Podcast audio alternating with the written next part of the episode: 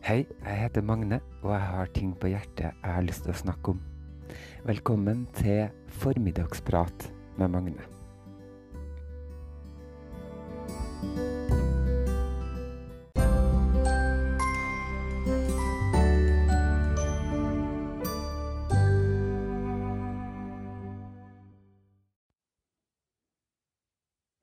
Det er mye mat i god drikke. Jeg bare si det. I dag så ligger jeg smurt utover senga mi og uh, koser meg og sitter og spiller TV-spill på nettbrettet mitt, Final Fantasy 9, som er litt sånn nostalgisk for meg. Et spill jeg har spilt mange ganger når jeg var uh, litt yngre. Og så hører jeg på en sånn walkthrough uh, på, på, YouTube da, med en sånn ung engelsk engelsk, kanskje litt sånn skotsk-irsk gutt da, som liksom uh, geleider meg gjennom det her uh, spillet. Har så nydelig dialekt uh, med sånn distinkte g-er. I'm having uh, another cup of coffee, hey. Det høres jo litt sånn skotsk ut, syns jeg. Og da sitter jeg og humrer litt for meg sjøl og koser meg med det. Innimellom så hører jeg på litt podkaster og sulle, sulle bare litt eh, rundt. Jeg har funnet eh, noen fine nye podkaster. Den ene er Kristine Koht, som har laga en podkast om at hun har fått kreft, og det er jo utrolig trist og, og tragisk. Uh, hun har bare gitt ut en episode nå, da. Kristine vil leve, tror jeg den heter. Eller Kot vil leve, heter den. Og, men den er utrolig fin, altså. Veldig, veldig uh, fint å høre på. Fantastisk uh, menneske, altså. Hun Kot, syns jeg. Og man får liksom oppleve noe nytt med henne, føler jeg, på den. ene tingen som, som slo meg og som hun sier si sjøl at det er mange som tror at hun er veldig utleverende og privat. Men i den podkasten her, da, så avslører hun at det har hun egentlig ikke vært. Det bare virker sånn fordi at hun er så åpen og, og sånn. Men hun har ikke utlevert seg så mye, egentlig, sånn om private ting. Det gjør hun på en måte i den her, da. Og det er veldig fint. Og så har jeg begynt å høre på en annen um, engelsk podkast. Uh, ja, hva heter den? Unclean and Mostly Sober heter den.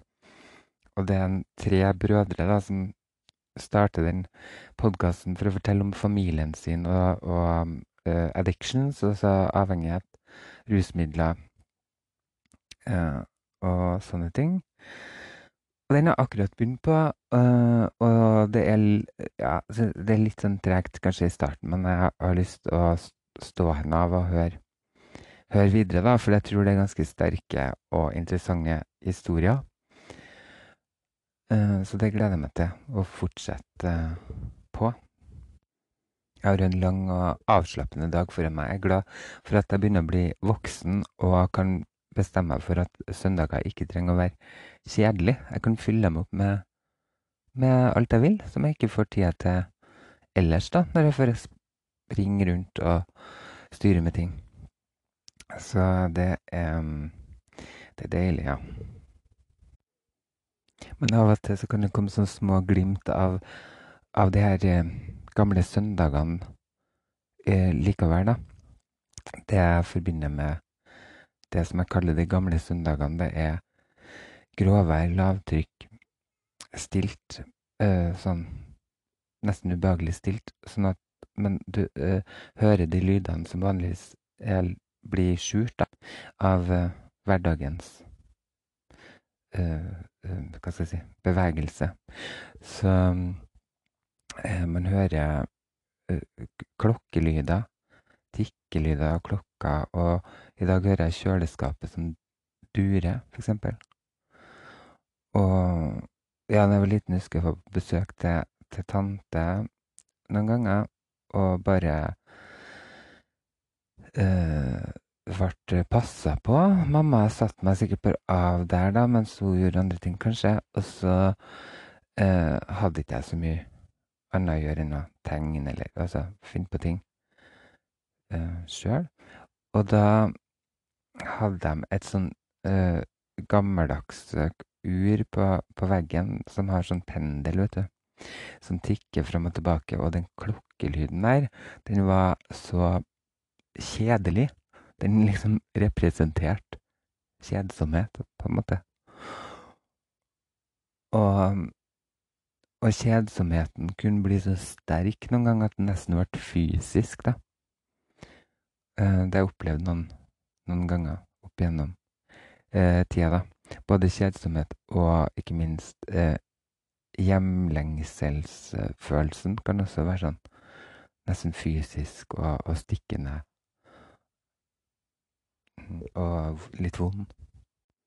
Men nå har jeg som sagt ting som jeg eh, fyller over den der kjedsomheten, da. Det, det her uh, TV-spillene og podkastene og sånn legger jeg som et teppe over, over den kjedsomheten. Det som hjelper, det er det at i går så fylte jeg på Gledesbanken min ganske raust og godt, fordi at jeg fikk møte en god, gammel eh, venn som heter Erlend, som jeg ikke får møtt så ofte. Vi satt og hadde nydelige uh, samtaler da, i, i, noen timer. Og det var Det var så Det var så godt. Enkelte mennesker er så fine at jeg må holde meg litt sånn tilbake, sånn at jeg ikke skal bare lene meg over bordet og sleike på dem for å kjenne etter om de smaker søtt. Jeg klarte sånn akkurat å holde meg, da. Men uh, takk, Erlend, for uh, nydelig samtale. Det var kjempefint. En, en inspirasjon jeg fikk fra, fra den samme mannen, det var det at jeg la ut på Instagrammen min et spørsmål om hvilke låter folk hørte på, eller om de hadde noe, noe låter til meg. For jeg hadde lyst til å bli inspirert og skrive en eh, tekst. Eh, da, som er inspirert av, av, av, en låt. Og ja, det snakka Erlend om i går, at uh, uh, det her med låter kan si så mye om folk, da. Eller det, det blir mer sånn eh, personlig greie enn om folk sier hvilke TV-serier f.eks. De, de ser på, eller andre sånne kulturelle ting. Um, for låter er så full av følelser, eller hva skal jeg si uh, Ja, det, det, er litt sånn Det kan si litt, da, om folk, føler. Men uansett um, Erlend uh, skrev til meg at han hadde hørt på 'Love Is Magic' av John Grant. Og det syns jeg var en helt nydelig sang, så den må du gjerne gå og høre på. Hvis du hører på det her på Anchor, så kan du bare vente til uh, episoden er ferdig, og så vil den bli spilt av seg sjøl. Hvis ikke, så søker du den bare opp da, på Spotify. 'Love Is Magic' av John Grant. Og den uh, fikk meg til å tenke og skrive en liten tekst, og den skal du få høre nå. Vær så god.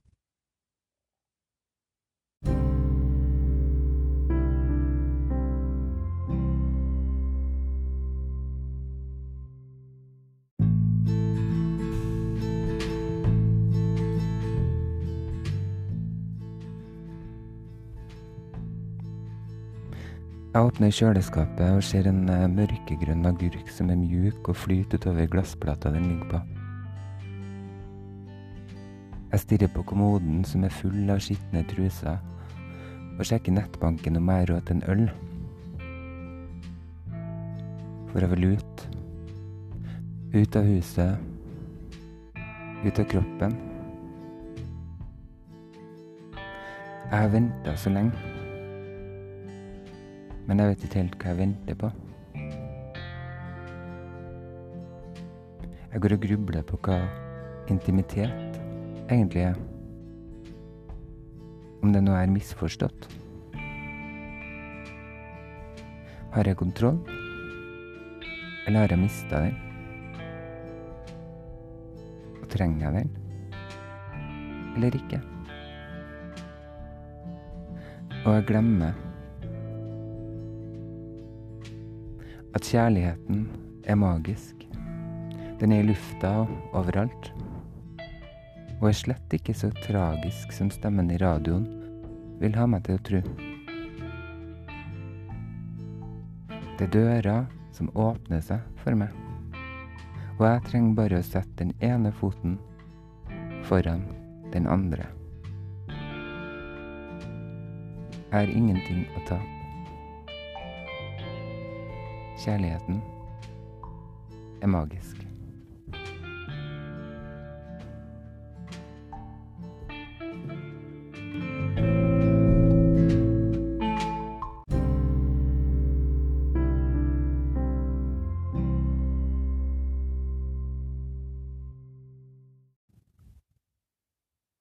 Ja, kjærligheten er magisk. Og vi har noen mennesker som minner meg på det eh, Elfenbensbæreren, som du kanskje har hørt om før i tidligere podkastepisoder, hvis du har hørt noen av de. Og um, jeg var så heldig å få treffe han igjen forleden dag, da. Jeg går ofte og håper at han skal sitte og henge utafor eh, nærbutikken min når jeg er ute og handler, da. Og blir like lei meg hver gang han ikke er der, og like glad hver gang han sitter der og smiler til meg, da og si 'You're the most beautiful man in Trondheim'. Og jeg blir så glad av det. så jeg hadde en liten samtale med han, da, og da eh, begynner vi å snakke om eh, barn, og så sier han at eh, at bestemora så fortalte hun at eh, barn ikke krever så fryktelig mye, men det er to eh, viktige ting da, som et barn trenger. Nå skal du få høre hva han eh, svarte, eller hva han sa om det.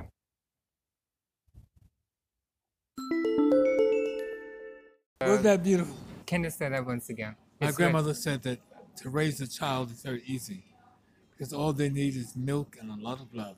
all they need is It- it is- milk and a lot of A love. lot of love. Yeah. Yeah, that was beautiful. Wasn't it? Yeah, My grandmother. yeah. Do you believe in that? Of course I do. Is it that easy? For me, it was. But my, I'm a father, so Yeah. Yeah, was tell very easy. it. How how is uh, how did you think it was to to raise a kid?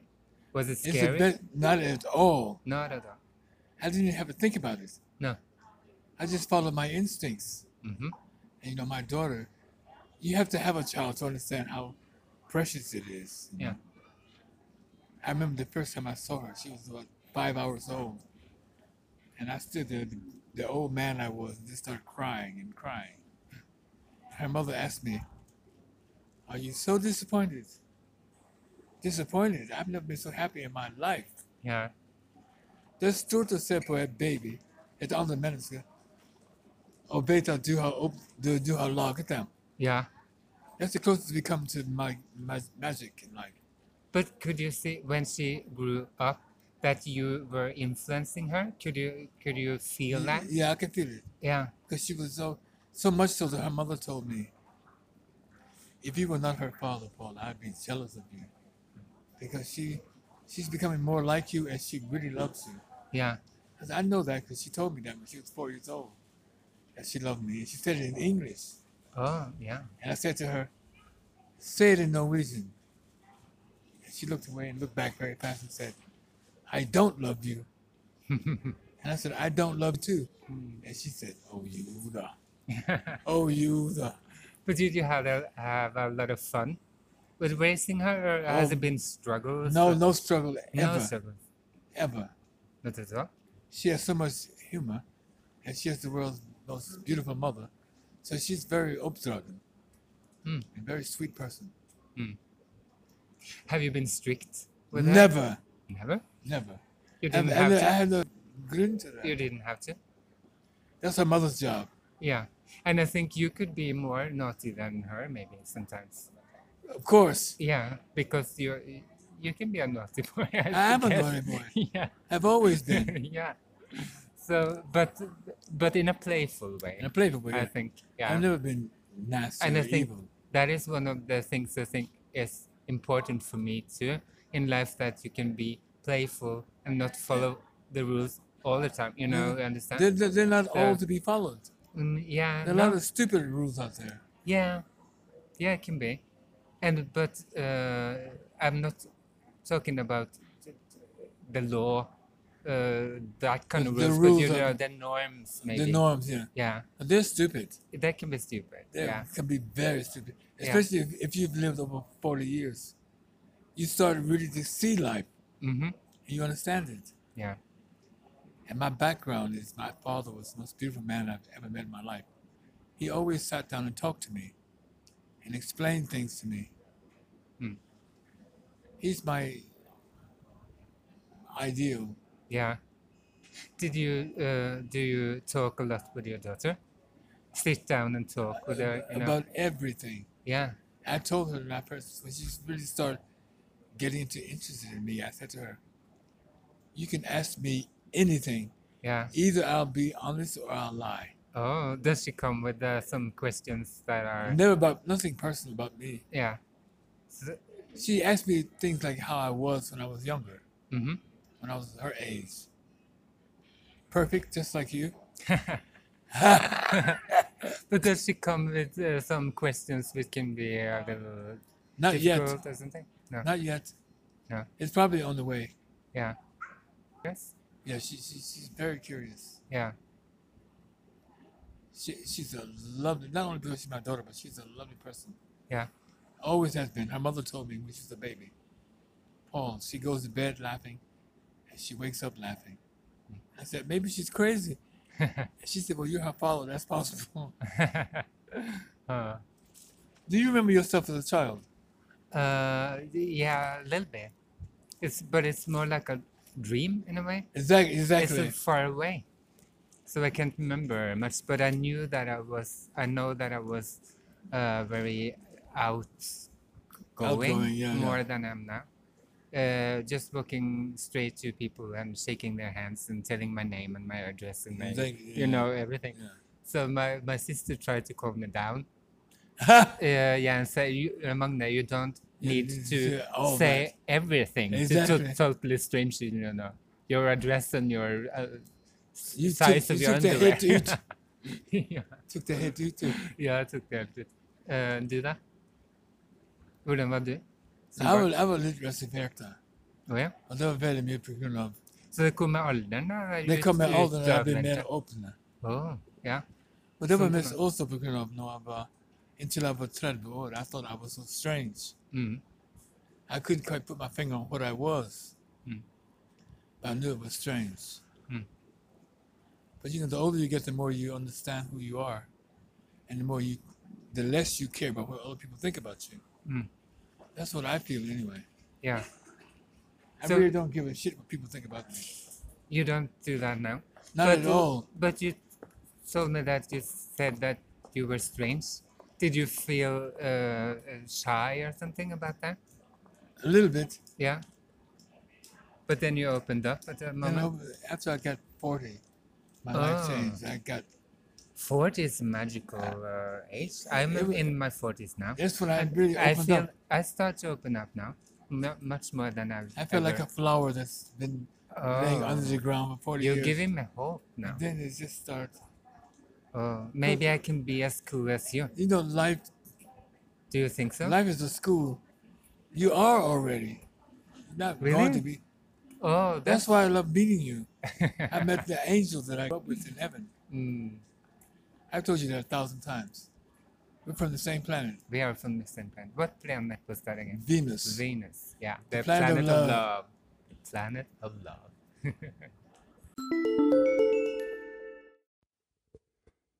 Ja, Elfenbensbæreren er en eh, nydelig mann.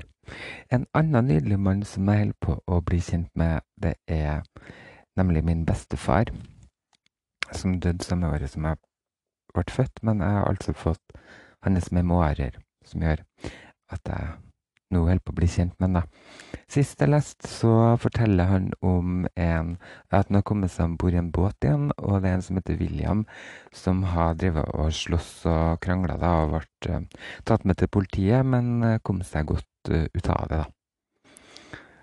Så nå skal du få videre hvordan det går med bestefar ute på, på havet.